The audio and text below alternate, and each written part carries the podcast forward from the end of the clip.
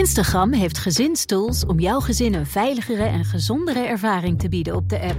Wanneer tieners hun Instagram-profiel instellen, zorgt standaard privé-accounts ervoor dat wat ze posten privé blijft voor hen en hun volgers. Met een dagelijkse tijdslimiet help je jouw tiener om zich aan gezonde gewoontes te houden op de app. En door toezicht samen in te stellen, krijg je meer inzicht in wie ze volgen. Ontdek meer over deze en andere gezinstools op instagram.com/slash gezinstools. De Perestrooikast. Een blik op Oost-Europa.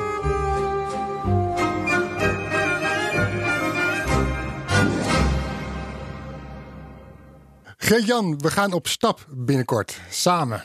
Noem, het een hijsessie. Wat gaan we doen? Ik heb begrepen dat wij zoveel leuke ideeën binnenkrijgen dat we uh, tijdens het maken van de podcast eigenlijk geen tijd ervoor hebben om daar eens uh, over te bomen met z'n tweeën.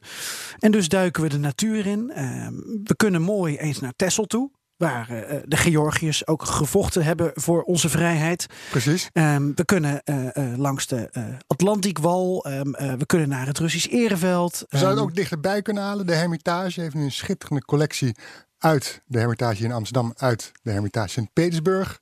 Misschien dat de oude tijden ons het juiste spoor uh, geven. Ja. Of naar plekken uh, waar Peter de Grote is geweest. Frieseveen kunnen we heen. Dat bij de Ruslui. Oké. Ja, wel een eind reizen volgens mij, Frieseveen. Ja, is te doen. Ja? Liftend. Oké. Moet kunnen. Mocht iemand ons in uh, Frieseveen willen ontvangen binnenkort uh, en verstand hebben van de Ruslui die daar gezeten hebben, dan horen we dat graag. Ook hier weer dus ideeën genoeg. Meer over ons avontuur in een volgende podcast. En welkom bij BNR Perestrooikast. De twaalfde aflevering alweer van de enige podcast van Nederland die volledig oog voor het oosten heeft. Grote anti-regeringsprotesten in Polen, in Tsjechië en in Hongarije. En dat terwijl mensen deze week toch vooral op de been zouden komen om de val van het communisme te herdenken. We hebben het over arbeidsmigratie, dit keer in Rusland. Een thema dat we natuurlijk op de voet volgen. En we hebben een uitgebreid gesprek over vadertje Wit-Rusland. Alexander Lukashenko is deze zomer namelijk 25 jaar aan de macht in dat land. En mag als verjaardagscadeau de Europese Spelen or organiseren de deze maand. Franke Hummels weet alles over deze dictator met snor. En je weet het inmiddels, alles ten oosten van de rivier de Elbe kan de komende weken, maanden, jaren in deze podcast besproken worden. En wat heel leuk is, is dat wij heel sociaal en democratisch zijn. En dat je je ideeën kan inbrengen via Twitter, het Perestrooikast. Of mail ons op perestrooikast.bnr.nl. En daar doen we ook nog wat mee met ideeën. Ja, want we gaan op high-sessie. Mijn naam is Geert-Jan Haan. En ik ben Floris Akkerman. En dit is BNR Perestrooikast.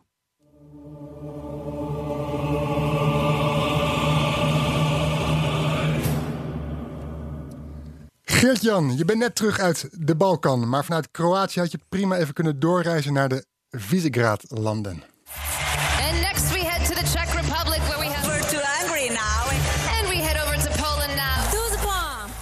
Want dat waren er veel mensen op de straat de laatste tijd. Ik zag betogers in Hongarije, in Polen en in Tsjechië. Vertel me eens, wat is er aan de hand? Ja, de directe aanleidingen van al die protesten die zijn verschillend. Uh, in Polen was een herdenking, want op 4 juni was het precies 30 jaar geleden dat de eerste gedeeltelijk vrije verkiezingen daar konden worden gehouden. Eigenlijk ook een markering uh, voor het uh, voormalige Oostblok, solidariteitsbeweging, et cetera, uh, Lech Walensa. Um, Ook snor, toch? Ook een snor, ja. Uh, daar gingen mensen uh, voor de straat op in Gdańsk, de havenstad, waar 30 jaar eerder dus de dokwerkers in opstand waren gekomen. En in Hongarije. Um, daar waren het wetenschappers die deze dagen de straat op zijn gegaan. Duizenden wetenschappers en ook mensen die hen steunden. Um, bijvoorbeeld hun studenten. Waarom? Waarom, waarom was dat?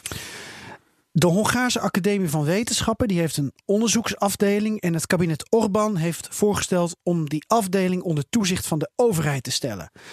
Want, zo is de motivatie van het Hongaarse kabinet, als er wetenschappelijk onderzoek is dat uit belastinggeld wordt betaald, dan moet het natuurlijk ook wel wat opleveren. Dan moet er direct economisch gewin zijn. Dat is natuurlijk een aantasting van de academische vrijheid. Druist ook in tegen de essentie van mm -hmm. wetenschap. Kunnen wij ook best wel objectief zeggen en vinden, toch? Um, Zeker. En dus gingen mensen de straat op. Um, wat ze eerder dit voorjaar ook al deden. Maar het heeft niet mogen baten, want op diezelfde 4 juni die ik net noemde. Um, is in de avond een wet ingediend die deze 2500 wetenschappers en hun werk onder gezag van de overheid gaat plaatsen. En aangezien Orbán ehm, met zijn club het Hongaarse parlement domineert, kunnen we de uitkomst raden. Ja, appeltje, peertje, eitje voor Orban, zou je zeggen. Ehm, en dan Tsjechië heeft, uh, daar speelt ook het een en ander met de Tsjechische baas. Ja, met Babiš. Um, in Tsjechië zijn 120.000 mensen uh, bijeengekomen om te protesteren tegen de premier op het bekende uh, Wenceslavplein. Mm uh, twee weken terug, we hadden het daar in aflevering 11 nog kort over, waren daar ook al 50.000 mensen op de been. Extra woede heeft ditmaal een publicatie in de Tsjechische media veroorzaakt. En dat heeft te maken met de bedrijven van de premier. Want hij is ondernemer, heeft ook een groot agrobedrijf. En dat heeft hij toevallig uh, ruim 17 miljoen euro aan EU-subsidies toegekend. Is de rijkste man van Tsjechië. Het is een heel rijk man. Ik heb even de Tsjechische quote 500 niet bij de hand. Uh, maar hij heeft geld aan um, uh, zichzelf uh, geschonken naar verluid. subsidies aan zichzelf vanuit Europa uitgekeerd. Blijkt uit een geheim rapport. Um, de Europese Commissie wil dat geld terug hebben. Maar de premier zegt: uh, uh, niks daarvan. Ik heb niks verkeerds gedaan en ik ga dat ook bewijzen.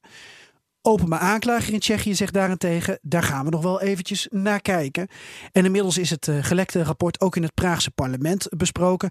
Maar uh, Babiš uh, zit nog waar hij zit. Hij zit ook wel redelijk stevig in het zadel, toch? Bij de Europese verkiezingen kwam hij als winnaar uit de bus. En dat geldt eigenlijk voor alle drie de regeringspartijen in de landen waar we het nu over hebben. Dat geldt voor de partij van Kaczynski, de partij van Orbán en de partij van uh, Babiš.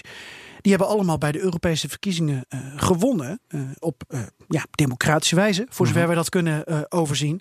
En dat gold ook voor de verkiezingen daarvoor. Dat maakt het natuurlijk dubbel als je kijkt naar die protesten. Ja, maar ze voelen wel een mandaat van die protesten kunnen mij niks maken, want ik ben toch net door het volk gekozen. Of het volk staat toch achter mij bij de stemmingen, bij de verkiezingen. Klopt, klopt. Um, maar het is wel wat, wat je ook zegt. Hè? Um, uh, uh, uh, het is wel um, zo dat deze demonstraties zijn eigenlijk allemaal een protest tegen de huidige regeringen. In Tsjechië vrij duidelijk. Woede die richt zich rechtstreeks tot de premier. In Hongarije eigenlijk ook. Ook al is het een, een beleidsactie in plaats van een individuele actie. Um, maar als we naar Polen kijken, dan denk je van hé, hey, we hebben het over een herdenking van 30 jaar terug. Maar dat is ook vermengd met de huidige politiek. Malgorzata Bos-Karczewska, bekend van het Nederlands-Poolse platform Polonia. Zij was in Gdańsk bij die herdenking, komt daar vandaan. En um, zij zag hoe de bijeenkomst uitgroeide tot een soort anti-regeringsprotest. Nou, het is uh, een feest van democratie. Gdańsk viert uh, 30 jaar democratie en dat is echt een feestje van burgers, van NGO's, van mensen die echt rechten van de mens hoog houden. En dat is dus een feestje van oppositie eigenlijk. Want voor de Poolse regering is het een non-event. Ja, en dit zei ze toen ze met BNR sprak in het programma Spitsuur. Donald Tusk was op dat moment aan het praten uh, voormalig premier namens Burgerplatform. En um, daarover zegt uh, um, Bos: Kijk, mensen in Polen die willen politici met leiderschap en visie. En dit is niet waar 30 jaar terug om gevochten en gestreden is. Als ik met die burgers spreek, ze hebben andere verwachtingen.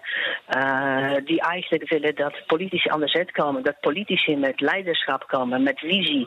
Waarvoor ze staan eigenlijk. Uh, want in de Europese verkiezingen heeft de oppositie die zich verenigt in de uh, Europese coalitie van vijf politieke partijen. Die heeft verloren. En PiS, dus recht en rechtvaardigheid, heeft gewonnen. En men is zeer teruggesteld. En dat is dus wel wat jij net aankaartte, Floris. Die, die uh, naar eigen zeggen democratische partijen, die hebben uh -huh. dus wel verloren bij de verkiezingen. En dus zijn er maar twee opties. Eén, um, um, de burgers gaan de straat op. Dat doen ze dus. En twee, als je echt vindt dat een premier of een kabinet iets verkeerd doet, dan zal dat toch via de rechter moeten worden gespeeld. Dus het woord is nu aan rechters in die landen. Um, dat zou je zo best wel uh, kunnen stellen. Oké, okay, ik ben blij dat je dat voor ons volgt. Zo ja, helder. En we blijven het volgen. Um, maar nog even naar een onderwerp waar jij het over wil hebben. Ja, jij bent graag van de boeken. Uh, en, en jij bent van de film. Ja, visueel ingesteld ben je. ja, dat is het verschil. Welke heb je gezien en wat wil je erover kwijt? Um, ik heb de laatste film Aika gezien over een jong Kirgizisch meisje. Ik laat je even een fragment horen.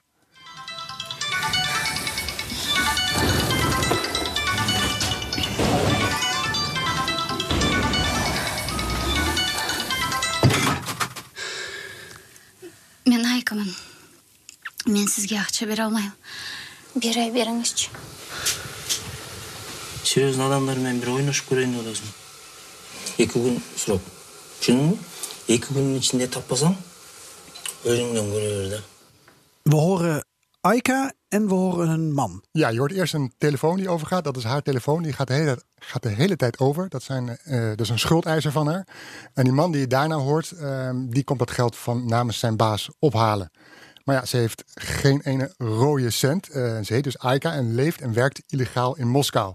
En na de geboorte van haar zoon laat ze hem achter in het ziekenhuis. En ze sprak met Kirgizisch, Ze toch? sprak het Kirgizisch, ja. Ze spreekt ook, spreekt ook de Russisch in die film. Eh, maar goed, dit is dus een, een van de talloze arbeidsmigranten uit Kirgizië of uit Centraal-Azië die zich in Moskou, vooral in Moskou, hebben gevestigd. Eh, ze staan onderaan de ladder. Je kan ze beschouwen als de slaven van Rusland.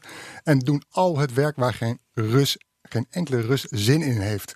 Eh, toen ik in Moskou woonde, zag je ze de wolkenkrabbers van Moskou City bouwen. Ze vullen midden in de nacht de gaten in de wegen en halen het sneeuw en ijs van de daken. En omdat het Centraal-Aziaten zijn, kan je ze makkelijk herkennen. Want iets donkere huidskleur. Je, Ja. je ziet waar ze vandaan komen. Je ziet waar ze vandaan komen. Het is ook heel typeri- typerend. Als ze pauze hebben, dan zitten ze ook gehurkt op straat. Oh. oh, jij gaat er even Ik- gehurkt ik, bij ik, doe het, zitten. ik doe het even voor. Eh, heel makkelijk te herkennen dus. Dat is, ja, dat, dat- ik weet niet waarom. Misschien eh, zijn ze heel lelig en lenig. Ze kunnen dat volgens mij uren volhouden. Iets anders, dat kunnen wij denk ik niet. Weet ik niet. Ehm, maar Hmm. En die Aika? die Eike woont samen met andere arbeidsmigranten hutje-mutje in een flat. Eh, ze heeft alleen een bed als eigen privacy, afgeschermd met een gordijn. En ja, ze wordt constant uitgebuit. Ze krijgt bijvoorbeeld haar geld niet na het plukken van kippen. En dat geld heeft ze juist nodig om die schuldeiser, ze had een lening voor een, een eigen bedrijf, had ze bij hem afgesloten om die schuldeiser tegemoet te komen. Ehm, haar flatgenoten worden door de politie meegenomen omdat die illegaal in Rusland verblijven. En dat maakt dat ze constant leven met de angst om elk moment te worden opgepakt. Is dit nou een, een documentaire of is het deels fictie, deels waar? Nee, het is, het is, het is een film. Maar je, wat, wat, ik, wat ik me kan voorstellen, als je mijn ervaringen met, eh, niet direct met eh, eh, immigranten uit Centraal-Azië en Moskou, dit kan ik me zo goed voorstellen dat ze dit overkomen. Ja, Ja. Rusland, eh, zitten veel arbeidsmigranten. Hoeveel? ja volgens de Verenigde Naties die telde in, er in 2017 12 miljoen mensen. Dat maakt Rusland het op drie na grootste migra- immigratieland ter wereld. En eh, volgens de Russische autoriteiten verblijven daarvan eh 2 miljoen illegaal. En dat zijn dus mensen uit Azerbeidzjan, Kazachstan, Kirgizië, Tajikistan en Armenië. En deze inwoners, landen uit de voormalige Sovjet-Unie, kunnen 90 dagen zonder visum reizen naar en door Rusland. Dus dat maakt voor hen eh, heel makkelijk eh, Rusland heel toegankelijk. Ja, ze komen voor, wat ik al zei, voor met name in, naar Moskou. Daar is het booming. Maar je zag ze ook bijvoorbeeld bij de Olympische Spelen in Sochi van vijf jaar geleden. Ik was daar drie maanden voordat die Spelen begonnen. En je zag ze overal aan het werk in de infrastructuur, stadionbouw. En ja, ze werkten daar onder slechte om, om, eh, om- omstandigheden, kregen niet uitbetaald, hadden geen rechten en toen de eenmaal de Spelen begonnen waren in februari, toen was ik er ook. En toen zag je ze nergens meer. Ze zijn van op de een of andere dag, nacht, zijn ze afgevoerd. Wat doet de Russische regering in dit geval? Nou, het Kremlin staat eh, behoorlijk open voor die migranten uit, eh, van, ja, uit Centraal-Azië. Een- Gedoog. ja, gedoog, zo kun je het noemen. Het, het voert een liberaal beleid. Het is niet dat er in Rusland een discussie is over een hek eh, te plaatsen tussen de grens met, eh, met Centraal-Azië. Zoals in Amerika daar eh, eh, eh, veel over wordt gesproken en ook naar wordt gehandeld. En ehm, wat ik al zei, die visumregels voor eh, inwoners uit de voormalige Sovjet-Unie, omringend eh, rond Rusland, die zijn dus vrij soepel. Dus je kan vrij eenvoudig Rusland binnentrekken en daar proberen eh, werk te vinden, illegaal. Eh, maar Rusland heeft die migranten ja, gewoon hard nodig, juist vanwege de democratische krimp van de bevolking. Al gaat dat de laatste jaren iets beter, hoewel vorig jaar het geboortecijfer iets daalde. Maar ja, de burgemeester van Moskou zei ook dat zijn stad niet zonder die migranten kan. Want de Moscovieten, zei hij, zijn niet in staat tot zulk fysiek werk dat momenteel wordt uitgevoerd door die immigranten uit Centraal-Azië. En elke keer als jij weer in Moskou komt, zie je weer nieuwe gebouwen, nieuwe wegen. En schone daken dankzij immigranten uit Centraal-Azië.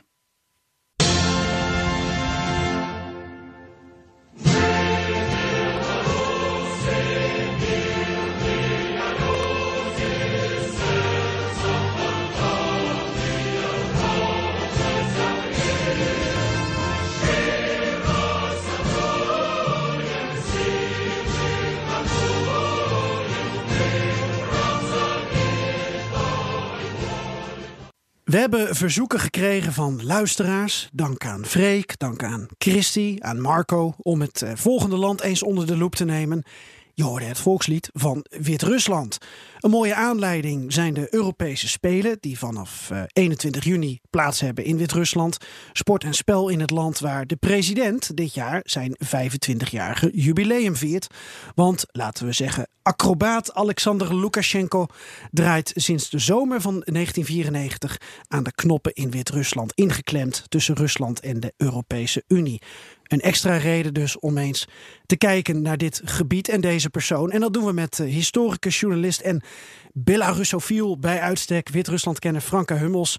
Franka, geweldig dat je er bent. Dankjewel. Um, Franka, we gaan met jou Lukashenko een beetje ontleden. Een beetje kijken hoe hij nou balanceert tussen Oost en West. Of hij nou net zo'n volleerschaker is als Vladimir Poetin bijvoorbeeld. Of uh, uh, slimmer misschien nog wel, wie weet.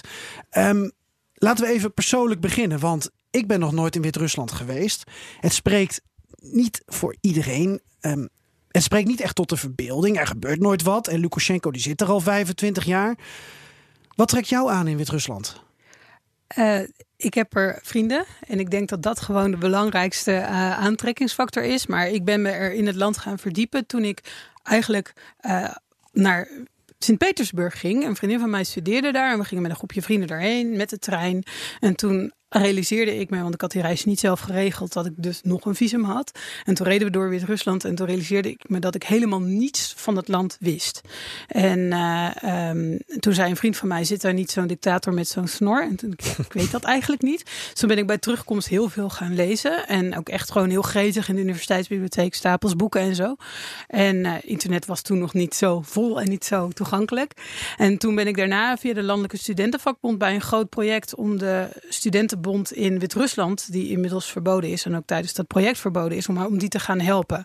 En dat heb ik gedaan en daar ben ik een aantal jaren bij betrokken geweest, vriendschappen gesloten en toen ook als journalist blijven terugkomen. Ja.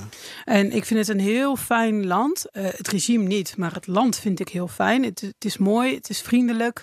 Uh, ja, op heel veel fronten heel, heel uh, niet spectaculair, maar dat kan ook, dat kan ook heel, mooi, heel mooi zijn. Ik voel me er wel thuis. Floris, jij bent er een paar keer geweest. Ik ben er drie, vier keer geweest toen ik in Moskou zat. Dan reisde je met de trein van Moskou naar Minsk. En ik kwam er dan vaak wegen verkiezingen. Um, ja, ik had niet het idee van, goh, hier gaat het gebeuren inderdaad. Wat dat betreft moet je, moet je meer zijn waarschijnlijk in Oekraïne en, en, en, Rusland zelf. Uh, maar wat ik wel afvraag, ja, wat, als ik kijk vanuit Nederlands, Nederlands perspectief. Wat hebben wij aan uh, Wit-Rusland? Want onze handel is niet zo groot. Als je bijvoorbeeld kijkt met, met Oekraïne, is die een stuk, ja. uh, stuk meer aanwezig. Uh, hoe, hoe zit die verhoudingen vanuit Nederlands perspectief? Ja, uit Wit-Russisch perspectief is de handel met Nederland natuurlijk wel best ja. groot. Mm -hmm. En zijn een aantal dingen. Dus de, wat je in wat je in Oekraïne ook hebt, maar wat je in Wit-Rusland ook hebt, hè, van de hoog uh, opgeleide uh, IT'ers, uh, die, die zijn daar en die kosten wel minder dan bij ons. Mm -hmm. maar bijvoorbeeld ook landbouwwerktuigen is in Wit-Rusland een afzetmarkt voor. En de Wit-Russen hebben ook nog een soort doorvoernetwerktalent gegeven daarmee. Dus het is voor Nederlandse ondernemers wel echt interessant.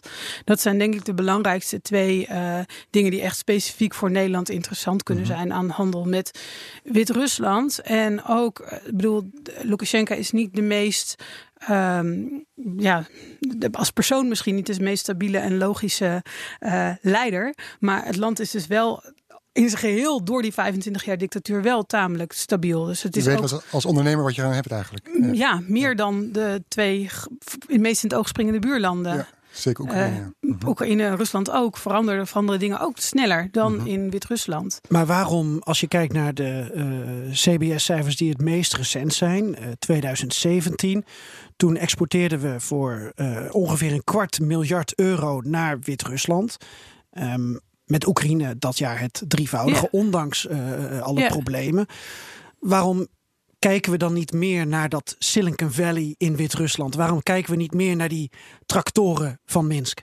Of van Borisov eigenlijk? Het is een, het is een klein land en uh, ondernemerschap is uh, uh, op zich iets dat afwezig is of heel erg in de kinderschoenen staat. Dus je moet dan wel, zeg maar, wel echt de structuur kennen voordat je er echt aan de slag kan. En als je dat kunt, dan kan dat ook. Het is dan de vraag of je het wil, omdat je daarmee dus wel echt een hele heftige dictatuur steunt.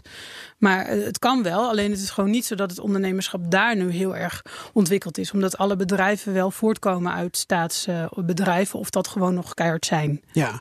Of, of Wit-Rusland kan het zelf beter verkopen natuurlijk naar buiten toe. Van jongens, kom maar hier, we hebben dit en we hebben Ja, dat zus en we zijn ze nu aan het doen, dat proberen ze nu en dat lukt, dat lukt gedeeltelijk ook. Eh, maar nog steeds eh, je moet het dan wel aansluiten bij de wens van Nederlandse ondernemers natuurlijk. In, in eh, 2011, als ik me niet vergis, Mhm. schreef je het boek De Generator-generatie. Ja. Het ligt hier in tweefout. Ja, Ja. We hebben hem allebei. ik was bang dat jij hem zou vergeten en jij was waarschijnlijk bang dat ik hem zou vergeten. Of, of dat niet. zou kunnen. Alleen Frank heeft niet bij me. Nee, ik wist, ja. Zoveel vertrouwen in jullie voorbereiding. Dat Even dat- kort, vertel Ja. even kort. eh, Het boek eh, is verschenen 25 jaar na de ramp in Tsjernobyl. En het gaat over de generatie die kind was toen die ramp gebeurde of heel kort daarna is geboren. Ehm, we denken bij eh, die kerncentrale en die kernramp altijd aan Oekraïne. En dat klopt ook, want de reactor die ontploft is, die stond in Oekraïne, maar wel echt op de grens met Wit-Rusland. En omdat de wind naar het noorden stond, heeft ook echt Wit-Rusland veruit de meeste eh, last gehad van eh, die kernramp. Eh, de, de nucleaire regen is daar neergeslagen. En ik heb dus in mijn boek gekeken naar wat de impact van die ramp is op die specifieke generatie. Dus die generatorgeneratie. Maar wat je ziet is dat ze eigenlijk bijna geen informatie hebben, omdat ze zijn opgegroeid in een propagandadictatuur. Dus ze krijgen of informatie van het regime, die ze al dan niet geloven, of ze halen informatie van de oppositie, die ook het niet altijd even nauw neemt met de waarheid. En hoe, hoe maak je dan keuzes? Hoe beslis je dan waar het veilig is om te wonen? Hoe beslis je dan waar je je kind gaat krijgen? Of je een kind gaat krijgen? Hoe vind je dan je weg? Dit Dat is wel interessant, want veel mensen die een beeld hebben bij die kernramp, ehm, die focussen zich dan op eh, de rare flora en fauna, de straling, de, de leegheid van dat gebied. Maar jij bent gaan kijken naar het perspectief van de mensen. Hoe hebben zij de informatie gekregen en hoe is die informatie de jaren daarna ook doorgegaan? Precies. En ook wel iets verder gekeken dan die 30 kilometer zone, die inderdaad het meest spectaculair is. Dus ik snap op zich wel dat de focus van veel mensen daar ligt. Maar juist de, de, hè, het gebied waar die regen is neergeslagen, ehm, daar zijn misschien niet eh, allemaal dieren met drie hoofden, maar daar. Daar speelt wel van alles. En om, dat is omdat, ook omdat Wit-Rusland een dictatuur is, is dat ook nooit goed onderzocht. Er is niet consequent gemonitord hoe het gaat met gezondheid, wat, hoe het met het drinkwater gaat, hoe het met groenten en al dat soort dingen gaat. Dus we weten het eigenlijk ook niet. Dus vandaar dat je ook aan beide kanten eigenlijk de wildste cijfers ziet die niet echt onderbouwd zijn. Waardoor we eigenlijk in het algemeen kan zeggen, we weten niet, statistisch gezien weten we niet wat die impact is. Ja. Praten we zo door over eh, eh, Lukashenko die later aan het hoofd kwam. Niet Ja. al de leider was ten tijde van eh, Nee, dat 86. was gewoon nog. eh, Ehm, maar dit boek is uit 2011, wat Floris al zei. Het is nu 2019. ja, Eh, wat ik weet is dat het Oekraïense deel is een, is een half pretpark geworden Ja. en een half wetenschappelijk onderzoeksgebied. Het Ja. Wit-Russische deel is tamelijk leeg. ja. Hoe is nu de informatievoorziening voor die mensen in Wit-Rusland wat betreft de ramp? Is dat vergelijkbaar met hoe dat in jouw boek acht jaar terug is opgeschreven? Nee, het is eh, slechter geworden omdat er dus vanwege de bouw van een kerncentrale op Wit-Russisch grondgebied, natuurlijk op een grens met Litouwen in dit geval.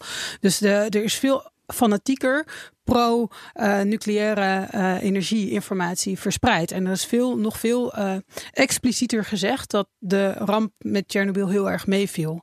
Propaganda. Dus, ja, dat, die was er al, maar dat is veel meer geworden. Hoe, wordt zo'n boek dan van jou wel of niet ontvangen in Wit-Rusland? Ja, ehm, ik heb het met iedereen die in het boek besproken is. eh, ehm, ook eh, iedereen die ik in het boek gesproken heb, heb ik het ook doorgelopen. En heb ik verteld wat ik heb geschreven. Ook om te voorkomen dat mensen er door gevaar zouden lopen. Ik heb ook mensen dus uiteindelijk uit het boek gelaten. Ehm, de mensen die met buitenlanders praten. Dat zijn de mensen die met mij praten. Die zijn heel enthousiast. Vinden het ook heel eh, eh, fijn dat dit zo is opgeschreven. Ze kennen deze vorm van journalistiek eigenlijk niet. Dat verhalende. Dus dat was ook in het begin heel erg zoeken. En andere mensen die, die lezen er dan wel over op Wit-Russische nieuwssites, oppositionele nieuwssites. Dus dat zijn ook al mensen die eh, naar oppositionele nieuwssites gaan. En andere mensen zullen het boek gewoon niet echt kennen. Ik weet bij de uh, uh, opleiding Nederlands zijn ze met het boek in de weer geweest. Hebben ze teksten gelezen en al dat soort dingen. Hebben ook mensen wel op gereageerd. Ik heb mailtjes gekregen van studenten. Maar het is niet zo dat iedereen dat boek kan kennen. En zelfs als je kijkt bijvoorbeeld naar het werk van Svetlana Alexievich, de Nobelprijswinnares, die ook over Chernobyl heeft geschreven. Iedereen moet dat boek lezen. Wij houden van Chernobyl. Maar zelfs dat boek is niet bekend. Of de inhoud van dat boek is bij heel veel Wit-Russen niet bekend. Dus Dat is niet iets dat dan heel erg op dat moment leeft of invloed heeft op hoe mensen denken of hoe mensen kijken.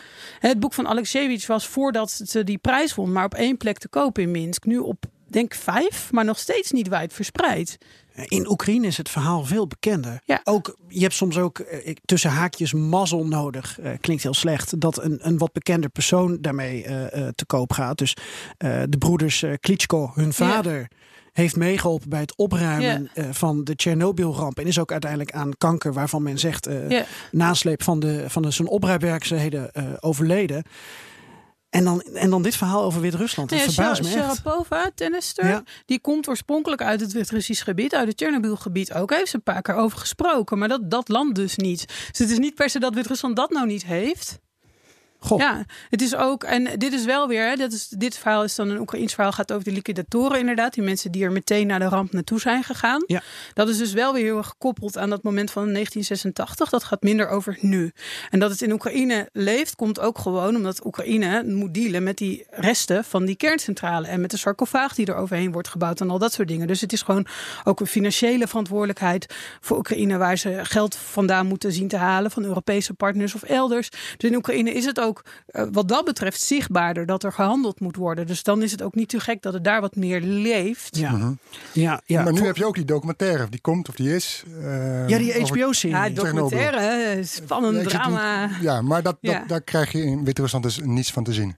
Ja, kan wel als je het wil. Maar dan moet je er dus van weten. En dan moet je het dus willen zien. Wat weet jij van deze serie, eh, Ik- Franka? Want het is, Ik heb hem nog niet gekeken, Nee. want ik heb geen HBO. dat gaan we met heb- z'n drieën doen, maar we kunnen hem via Nou, HBO of Ziggo bekijken, Van mensen ik. die, mensen die ik ken die verstand hebben van Chernobyl, die zijn er enthousiast over. En dat zijn mensen waarvan ik wel denk, nou, als die het zeggen, zal het wel zo zijn. Maar ongetwijfeld als ik zelf ga zitten kijken, heb ik honderdduizend kritiekpunten. Ja. Maar misschien zijn er dan maar honderdduizend en niet een miljoen. Dus misschien is dat nog steeds positief. Want ik zag een trailer eh, Ja. met ook een wagentje met een megafoon die rondreed door Ja. Wit-Rusland. Vnimanië, Vnimanië. Ja. Waarschuwing, waarschuwing. Dus het, het begint eigenlijk met de ramp. Ja, En daarna is er ook aandacht voor de nasleep. Maar met, Ja. met name ook in de, in de politieke kamertjes, geloof ik. Hè? Hoe dat allemaal leefde toen. Ja, en daar is wel echt, dat is ook wel echt, bepaalde dingen zijn wel belangrijk. Bijvoorbeeld dat dan, eh, die ramp was in april en dat Gorbachev pas in de zomer heeft toegegeven dat er echt een ramp is gebeurd. Dus wij wisten dat officieel in Nederland veel eerder dan mensen van de Sovjet-Unie. En in Wit-Rusland wisten ook, in Oekraïne is er best snel en best heftig gehandeld op een aantal punten. In Wit-Rusland eigenlijk helemaal niet. Zelfs niet in de dorpen die in die hardcore zone liggen. Dus daar zijn ze begonnen met evacueren in 1991. En dat is echt heel laat. En in Oekraïne zijn bijvoorbeeld echt zelfs al evacuaties uit Kiev geweest. Dat veel minder bedreigd is, veel minder last ervan heeft gehad. Maar omdat het dus op Oekraïns grondgebied lag, was die focus dus op Oekraïne. Dus dat is ook die, die achterkamertjes. Daar is echt wel een heleboel spannends geweest. Want dat dat vreedzame atoom dus ook een aanvaller kon zijn. Dat, was, dat was eigenlijk iets wat niet de bedoeling was dat mensen dat heel erg zouden beseffen. Nee. Kun je het voor ons recenseren? Wat? Kun je het voor ons recenseren? De, de- Serie, ik wil heel graag het, komen eh, om het te recenseren. Ik verheug me er nu al op. Gaan we dat doen? Maken we nu even stappen Ja. van 86 eh, naar 89, namelijk val van het communisme. Ja. Ehm, vijf transitiejaren in Wit-Rusland. En toen in 94 was daar eigenlijk vanuit het niets. Niet helemaal, maar... eh, eigenlijk niet helemaal nee, vanuit het niet niets. uit de machtspositie in ieder geval. Lukashenko. En die was al parlementariër. Hij was daarvoor eh, baas van een collectieve boerderij. Dus echt zo'n mooie ouderwetse Sovjet-functie. en dat was ook zijn mindset. Maar die nieuwe regering die eh, aantrad sinds de val van de Sovjet-Unie... die was op zich heel progressief. En die probeerde echt een aantal grote veranderingen te maken. Maar die was ook op heel veel punten corrupt. En Lukashenko was dé man die dat heel erg heeft aangevallen en aangepakt. En ook met redelijk succes. Dus toen hij president wilde worden, is hij gekozen. En dat is niet zo gek. En ik denk ook dat hij die eerste keer echt heel democratisch is gekozen. Hè? En daarna Ja. ging het snel een heel andere kant op. Nu zit hij 25 jaar. Ja, En hij wordt nog steeds Batka genoemd. Vadertje. ja. Vadertje Wit-Rusland. Ja, ja Sommige mensen zijn ook opgegroeid alleen met, eh, met hem. Met ja, Batka, ja. kan ik ook nog een boek over schrijven. De Lukashenko-generatie. Ja. Ja. Hoe ziet het land er nu uit? Eh, de, eh, hoe het er, ja. ehm, Politiek of economisch? Ja, ik eh, ging, ik ging echt naar de een fysieke omschrijving kijken. Omdat ik wel weet van de eerste keer dat ik er dus was, toen zag het er nog wel uit. Zoals je het van een communistisch land zou verwachten. Toen was de economie ook nog geen gemengde kapitalistische economie. En eh, eh, dus echt ook van die staatswinkels met vrouwen met vieze witte short, schorten. En echt van alles één product en eh, handgeschreven prijsjes en zo. En nu heb je in Minsk evenveel supermarkten die 24 uur per dag open zijn. En meer verkopen dan welke supermarkt in Utrecht waar ik woon dan ook. Dus daar is wel een hele grote verandering eh, geweest. Ehm, dus zeker in Minsk is echt het uiterlijk van de stad in die afgelopen 25 jaar wel, wel heel erg eh, veranderd. Ja, 2 Eh, miljoen inwoners. Dat moet ook wel natuurlijk. kapitalistischer geworden ook in, in het uiterlijk in elk geval. Niet per se in hoe mensen denken, maar wel eh, in het uiterlijk van de stad. zijn vaak buitenlandse investeerders die, die grote bedrijven eh, hebben. McDonald's zit gewoon in de hoofdstad. Ja, ja, maar die zat al lang. Die, Mhm. zat er, die zat er toen ook al. Maar dat Ja. was toen nog echt iets, iets luxe en iets moois. En nu niet Maar meer. wacht even, want Floris, jij bent er ook een paar keer geweest. We hebben het over de laatste dictatuur van Europa, om met Hmm. Condoleezza Rice eh, te Ja, spreken. maar dat is inmiddels denk ik wel een beetje ingehaald. Ik denk dat eh, ten oosten van Wit-Rusland we toch ook wel van een dictatuur kunnen spreken. Maar is Wit-Rusland zelf nog een dictatuur? Ja, Ja? zeker, zonder meer. Ja. Ja. Wa- Wat, wat is je definitie van een dictatuur? Eh, eh, geen vrijheden. En, en voor mij zou ik dus zeggen, een staatshoofd of een eh, leider die niet, niet op een eerlijke manier gekozen is. Nou, check, dat is zo. Geen ga- garantie van de mensenrechten. Nou, absoluut niet. Top-down bestuur, zeker. Mhm. Heel veel repressie. Zeker. Een hele grote aanwezigheid van eh, inlichtingendiensten, geheime diensten, andere mannen in uniform. Absoluut. Mensen die tegen elkaar worden opgezet om over elkaar te klikken. Zeker. Dat als dat je checkpointen zijn. Persvrijheid, oppositie. Geen, geen vrijheid. Geen vrijheid. De pers wordt ook nu eh, de afgelopen tijd ook weer wat extra eh, gehinderd. En nog los van ook als je niet actief mensen eh, die hun mond opentrekken voor de voeten gaat lopen. Ehm, zelfs als je dat maar een paar keer per jaar doet, dan betekent het nog dat mensen er bijvoorbeeld voor kiezen om niet hun mond open te gaan trekken. Dus het is niet, repressie werkt natuurlijk door op alle fronten. Het is niet alleen dat mensen die het niet met de regering eens zijn in de gevangenis worden gezet. Het is ook dat andere mensen die het niet met de regering eens zijn, dat stilhouden. Komt dit allemaal uit de koker van Lukashenko? Of heeft hij een, een, een paar vertrouwenspersonen of eh, strategen die dat eigenlijk voor hem bepalen? Nou Ja, dat is lastig te zeggen, omdat hij ook niet een heel transparante eh, leider is. En we vragen ons dat altijd af Ja. bij Noord-Korea, bij Ja. Rusland. Er is Ja. één iemand zichtbaar, maar wat gebeurt er achter de schermen? Ja, wat, wat hier ingewikkeld aan is, ehm, want dat, dat heeft ook te maken weer met informatie, is dat zijn stijl van regeren in Wit-Rusland best breed gedragen is. Ik bedoel, hij heeft zijn laatste verkiezingen eh, gefraudeerd, dus ook gewoon Wanneer ik- waren die? De, de laatste parlementsverkiezingen, vijf jaar volgend jaar weer nieuwe, dus vijf jaar geleden. Hij had, eh, ehm, hij had denk ik ook wel gewonnen als hij niet stembusfraude zou hebben gepleegd. Betekent dat dat het eerlijke verkiezingen waren? Nee, want voor eerlijke verkiezingen speelt ook mee dat je eh, zorgt dat iedereen vrije toegang heeft tot media, dat iedereen vrije toegang heeft tot deelname aan de verkiezingen. En daarvan is helemaal geen sprake. Maar zijn manier van eh, werken is op zich in Wit-Rusland niet onpopulair.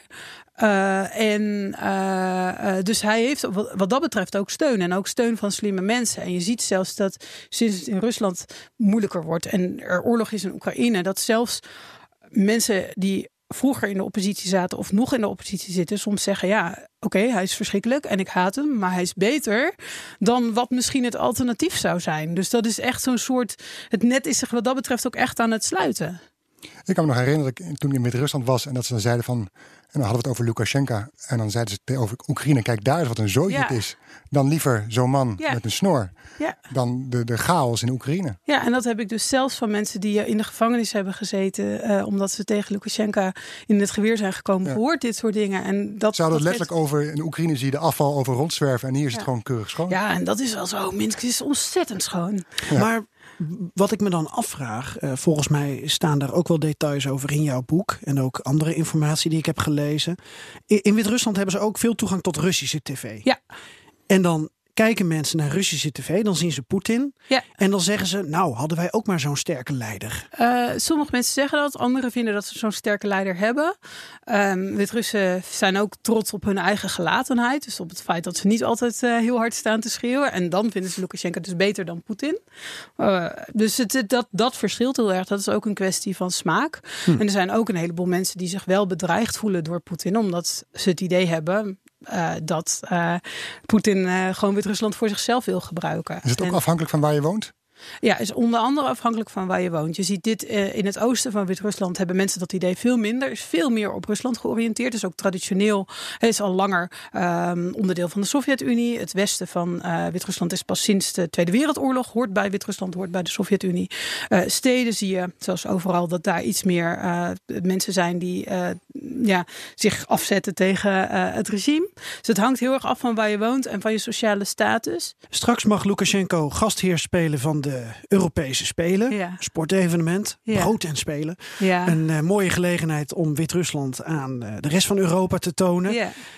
Ehm, tegelijkertijd bestaat het Oostelijk Partnerschap 10 jaar. Eastern Partnership eh, wordt meer gebruikt. Een, een, een term eh, die slaat op dat. eh, Ik ben nogal tegen gebruik van Engels in de Nederlandse Ja. taal. Dus ik, ik heb het keurig Oostelijk Partnerschap genoemd. Het Oostelijk Partnerschap. Ehm, en dat betekent eigenlijk eh, vanuit de, Europese Unie, ehm, vanuit Brussel is bedacht, we moeten economische en politieke banden aanhalen met een aantal landen in de periferie uit Ja. de voormalige Sovjet-Unie. Armenië, Azerbeidzjan Georgië, dat zijn de Caucasusgebieden. Moldavië, Oekraïne en Wit-Rusland. Ehm, laten we dit even gaan ontleden. Eerst de Europese Spelen. Want sport en politiek, oké, het valt niet te scheiden. Wat wil Lukashenko met die Europese Spelen? Want het zal niet alleen zijn om leuke atleten binnen te halen. Nee, nou misschien ook wel, want het is een ontzettende sportmaniak. En eh, dat er eerder. Hè, eerder Is hij ook van het worstelen Ja, en is judo vooral- en ja, nou, daar gaat hij wel heel graag heen. En zijn zoons doen dat wel. IJshockey Hij met is- IJshockey vooral en sch- eh, schanspringen. Dat zijn zijn eigen grote dingen. En we zijn ook al eerder dus wereldkampioenschap eh, ijshockey en zo Die, geweest. die snor is dan niet handig hoor, voor de aerodynamische... ja, ik weet er weinig van. IJs heeft toch Die een helm op? gewoon. Nee, met schanspringen heb ik Oh, het Ja, dat bevriest ook op die Ja. hoogte. Dan Oké. is het wel glad. Nee, maar hij, dus hij is wel echt een sportliefhebber. Dus het kan, in die zin kan het ook gewoon iets, eh, echt iets zijn dat hij gewoon heel leuk vindt. Maar natuurlijk speelt er mee, dat is meer mee. Dat zie je ook al bijvoorbeeld aan het visumregime. Dat met dit soort evenementen, hè, jeugdsongfestival, eh, ijshockey of dit. Hè, dan wordt het meteen veel makkelijker om een visum te krijgen voor Euro- Europeanen. Dus dat is wel degelijk showcase van kijk hoe gaaf mijn land is. Want Kijk, hoe is dat nu? Even kort. nu kun je er gewoon heen als je wil. Hoe lang? Dus moet je wel vliegen. Eh, de trein gaat volgens mij, dat weet ik niet precies, maar binnenkort ook. Dat je zonder visum kan. Volgens mij tot een week, weet ik niet zeker. Wie dit hoort, moet Ik even dacht 30 googlen. dagen. Jij dacht ik net- 30 dagen. Nou, dan is het nog weer beter geworden. Dat het, eerst was het vijf dagen, Ja. toen sinds vorig jaar 30 dagen. nou, maar dat, eh, hou me er niet ik, eh, aan. zoek het even op als je wil gaan. Wil gaan, het is gaaf. Je wil erheen. Dus grijp deze kans. Maar deze twee dingen geven allebei aan toegankelijkheid. Ja. Sportevenement, visumvrij reizen. We horen erbij. We zijn normaal, we zijn geen eh, moeilijk land met een eh, hoge muur. Dat geeft het aan, inderdaad. En wij kunnen dingen organiseren. Ook, hè, wij zijn een geoliede machine. We hebben inderdaad een schoon land. We hebben ook goede hotels, wat ook steeds meer waar is. We hebben goede stadi- stadions, dat is ook zeker waar. Dus dat laat hij ook zien van gewoon een land waar het gewoon goed geregeld is. Geen gezeik. Eh, Ja. Kom bij ons. Pakken we nog een derde ding erbij. Ehm, de oorlog in Oost-Oekraïne en Ja. de Minsk-akkoorden. En de Ja. naam zegt het al. Ja. Lukashenko heeft allerlei wereldleiders naar Minsk weten te halen voor vredesbesprekingen. Is dat ook onderdeel van de toegankelijkheid van wij horen erbij en dat willen we laten zien? Ja. Of ik hoor erbij en dat wil ik laten zien? Ja, het is wat, ik, wat ik denk dat daarin ook meespeelt, net als wat ik net al zei, op, oprecht interesse in sport, denk ik ook wel dat hij daadwerkelijk wilde dat het conflict in, Oost, in Oekraïne eh, zou stoppen, omdat dat natuurlijk een hele negatieve impact heeft op Wit-Rusland. Niet op zijn machtspositie, daar wil ik zo nog wat over zeggen, maar wel op, het, op de economie en op de positie van Wit-Rusland. Dus daar zal ook wel degelijk een oprechte wens voor vrede in hebben gezeten. Maar hij heeft dat heel slim gespeeld. Want hij stond op dat moment nog echt eh, voor Europa op een zwarte lijst. Hè. Er waren nog sancties van de Europese Unie tegen zijn land. En hij heeft zich opgeworpen als een soort vredesduif. Eh, ja, en iemand met wie je onderhandelt en voor wie je afhankelijk bent voor vrede op je eigen continent. Ja, die kun je niet als persona non grata gaan behandelen. Dus hij heeft zichzelf daar een soort positie eh, gegeven. die hem wel degelijk, zeg maar, echt aanzien heeft gegeven. En, en dat is wel opvallend. We hebben heel erg de neiging, mensen die zich met Oost-Europa bezighouden, zoals ook jullie, om een beetje lacherig over hem te doen, omdat hij in het verleden echt totaal stupide dingen heeft gezegd en gedaan. Maar hier heeft hij het eigenlijk nog niet eens zo heel erg stom gedaan. Hij heeft daar wel degelijk zeg maar, mensen met elkaar om tafel gebracht die anders niet om tafel zouden zitten. Hij, omdat hij ook natuurlijk de, de twee landen die het meest in het oog springen in dit conflict, Rusland en Oekraïne, alle twee heel goed begrijpt en hun positie heel goed begrijpt. En hij heeft ook op een aantal punten wel, ondanks Russische pressie, wel degelijk zijn poten weten te houden. Dus Wit-Rusland heeft bijvoorbeeld de Krim nog niet erkend als deel van Rusland. Dat is best veelzeggend, want we zien Wit-Rusland meestal als een soort vazalstaat van Rusland. En op heel veel punten is dat ook zo. Maar in dit geval dus niet. Dus hij heeft daar wel degelijk uh, een soort, uh, ergens in die 25 jaar, toch een paar leiderschapskwaliteiten opgelopen. Die hier, hij hier heeft laten zien. Uh, het is niet het kneuzige, sukkelige man met snorrerige dat we hadden verwacht. Zeg. Het is wel interessant, want Floris, in aflevering 2 hebben we het al kort gehad over die samenvoeging of die vergaande unie um, Minsk-Moskou. Ja. Er was al een unie, staat er op papier eind, jaren, uh, eind van de vorige eeuw, dat uh, Moskou of uh, Wit-Rusland en Rusland een unie kunnen gaan vormen. Yeah. En toen kwam opeens Poetin uit de hoge hoed eerder dit jaar van, nou laten we daar meer, wat meer in de praktijk gaan brengen. Vervolgens iedereen in rep en roer van, hé, hey, Rusland die gaat even Wit-Rusland veroveren en dat wordt een Oekraïne 2. Um, zover is het nog niet. Nee. Maar ik kan me voorstellen dat Lukashenko daar niet altijd op zit te wachten. Hoor. Nou, hij, uh, hij was de grote bedenker van dit plan. Mm -hmm. Nog met Yeltsin samen. En het was duidelijk dat zijn ambitie was om de leider van dat fusieland te worden. Midden jaren negentig. Ja, dus, uh, ja eindje, en, uh, voordat Poetin er was. Voordat Poetin er was. Ja. En het idee natuurlijk nu is dat Poetin wil dit graag nu. althans, dat is het verhaal. Omdat hij zijn termijn houdt op een gegeven moment op. En hij, je kunt, hoe vaak kun je stuivertje verwisselen met Medvedev. Het idee is dat hij nu weer een nieuwe vorm moet verzinnen om macht te krijgen. En dan zou bijvoorbeeld leider van een nieuw land, zou dan bijvoorbeeld een manier kunnen zijn. En dat is natuurlijk niet Lukashenko's plan. Hè? Als er een, zo'n fusieland is, dan moet daarin een hele belangrijke rol voor hemzelf zijn. Dus nu is hij wat minder uh, happig dan hij in het uh, verleden was. Hmm. Komt ook door een aantal economische conflicten die er al waren uh, met, met Rusland.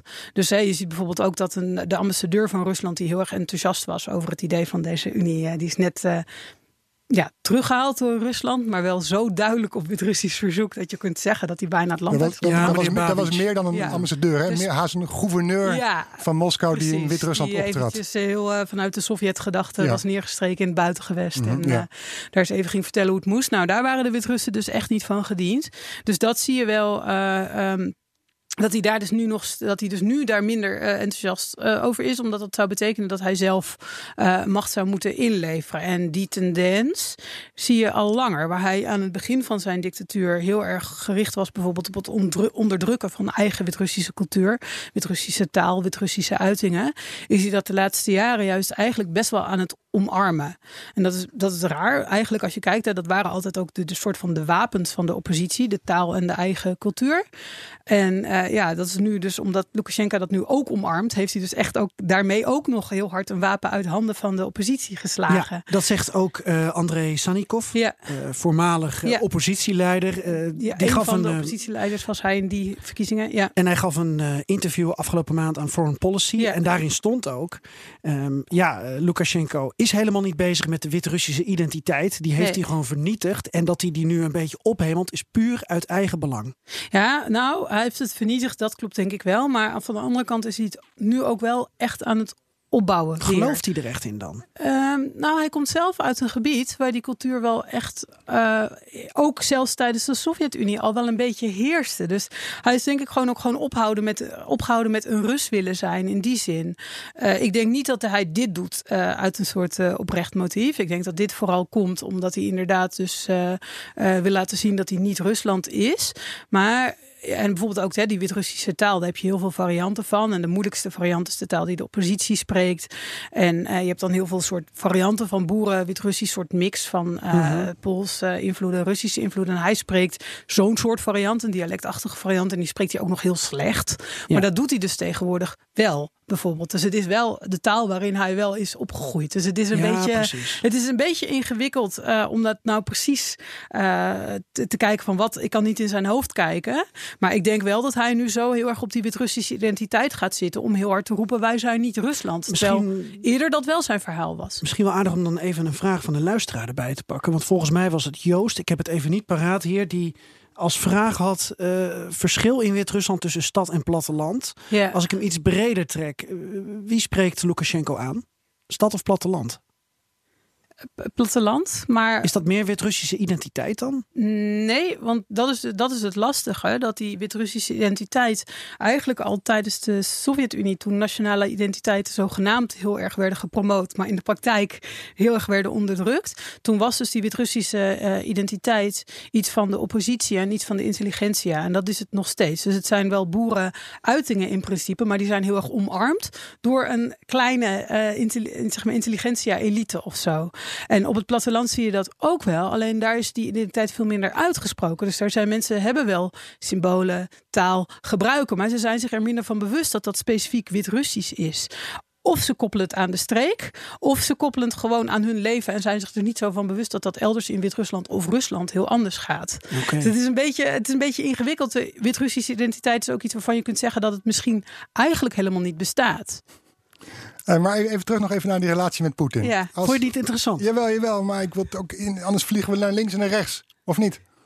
Nou, ik vond Ik het vind wel het heel redelijk interessant, gecentreerd. Nee, maar jij wil het nog hebben over, Ja. natuurlijk ook over geopolitieke verhoudingen. nou ja, nee, ja, bijvoorbeeld. Ja, Moskou, inderdaad. Brussel, Peking. Eh, ja, dat, dat ook. Ja, eigenlijk alles. Ehm, want ja, Ru- Wit-Rusland is sterk economisch afhankelijk van, eh, van zijn buurland. Ja. Gas, energie, noem het allemaal Ja. maar op. Kan Lukashenko, zit hij in de positie om continu Poetin de deur te wijzen als Nee. Moskou steeds verder, harder klopt?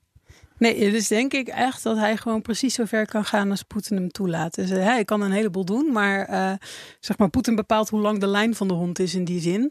Eh, want eh, eh, hij is gewoon echt afhankelijk. En eh, eh, dus zolang hij het niet te bond maakt, kan hij een beetje lopen klooien met de Europese Unie of andere landen. Maar ja, hij is gewoon echt nog volstrekt afhankelijk. Ik vind het wel een mooie uitspraak. De Ja, lijn ook. met de hond. Ja, zeker. Ja. Ik, ik, als, als ik aan Lukashenko denk, denk ik vaak ook aan Yanukovych. Eh, hoe balanceer je tussen de Europese Unie en Rusland in? Ja. Yanukovych viel van het koord omdat hij toch eh, Ja. geen- niet kon beslissen of toch te veel luisterde naar Moskou en waardoor in, in, in, in het binnenland on- onrust ontstond. Maar Lukashenko weet daar wat beter Ja. Te balanceren en blijft daardoor nog steeds aan de macht. Ja, ik, ik weet niet. Ik denk dat Janukovic wel meer met dat balanceren meer in het midden begonnen is. En ik ben op zich geen eh nee, nee. voordanser. Maar ik denk zeg maar dat het in het midden moeilijker is. Terwijl Lukashenko met zijn balanceeract act richting de Europese Unie wel aan de kant van Moskou is begonnen met lopen, zeg maar. Dus dat het daarom misschien ook makkelijker is. Want dan kun je nog dat stapje terug waar je dan de muur kunt raken of zo eh, Nou, nog zetten. Want dan kunnen we weer dat oostelijk partnerschap erbij Ja. pakken. eh, dat nu tien jaar bestaat. Daar zijn we toch weer Ja, terug. ik vond het een fantastisch bruggetje met een touw.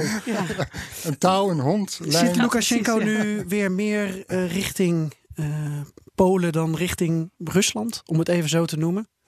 Eh, in ieder geval hoe het zich uiterlijk toeschijnt, wel. Ja, want dat is nu een actieve, een actieve blik naar het Westen. Maar die afhankelijkheid van Rusland is niet minder geworden.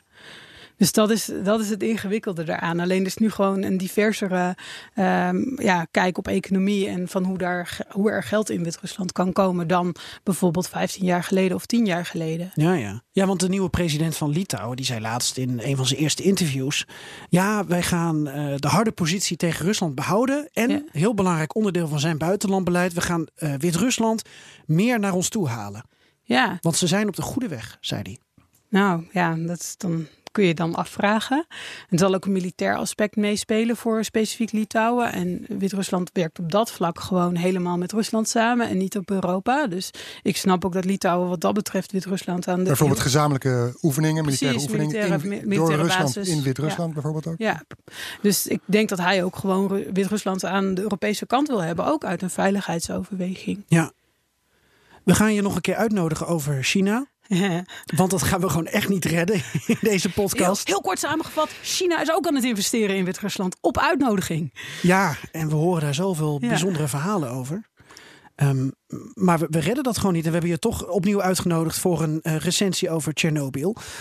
wat we nog wel kunnen doen met jouw goedkeuren, Floris, Ja, is even samenvatten eh, hoe we Lukashenko nou als wereldleider moeten zien. Hij is leider van een land. Ja. Is hij een belangrijke eh, actor momenteel? Eh, is hij een belangrijke schaker? Ehm, Wit-Rusland is denk ik voor zowel de Europese Unie als voor Rusland belangrijk als bufferland. Een land waar het niet te spectaculair aan toe gaat.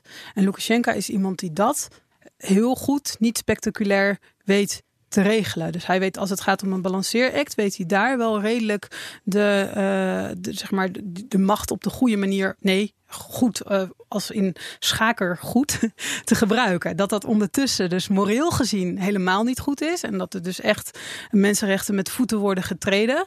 Hij weet het zelfs zo te doen dat wij daar in Europa niet de hele tijd over praten. Als we wel handel drijven of met het land praten.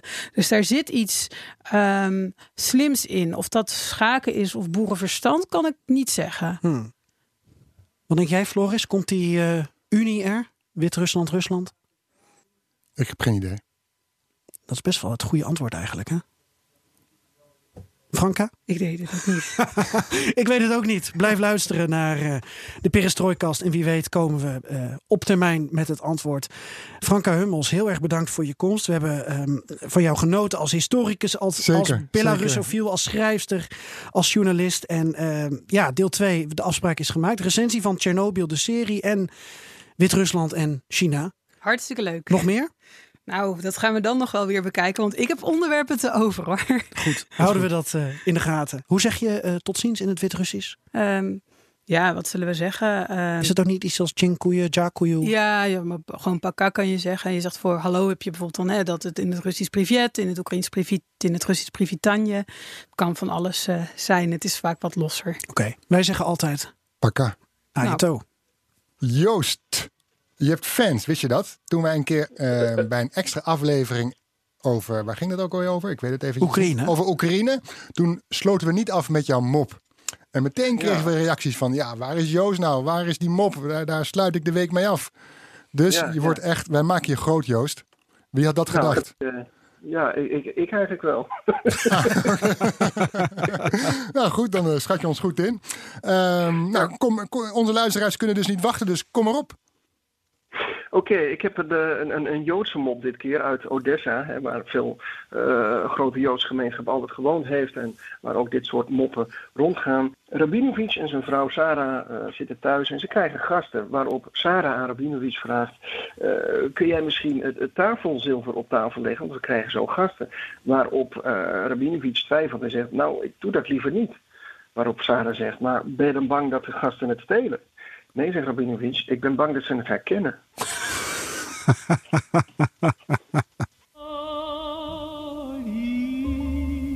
Калинка, калинка, калинка моя, в саду ягода, малинка, малинка моя.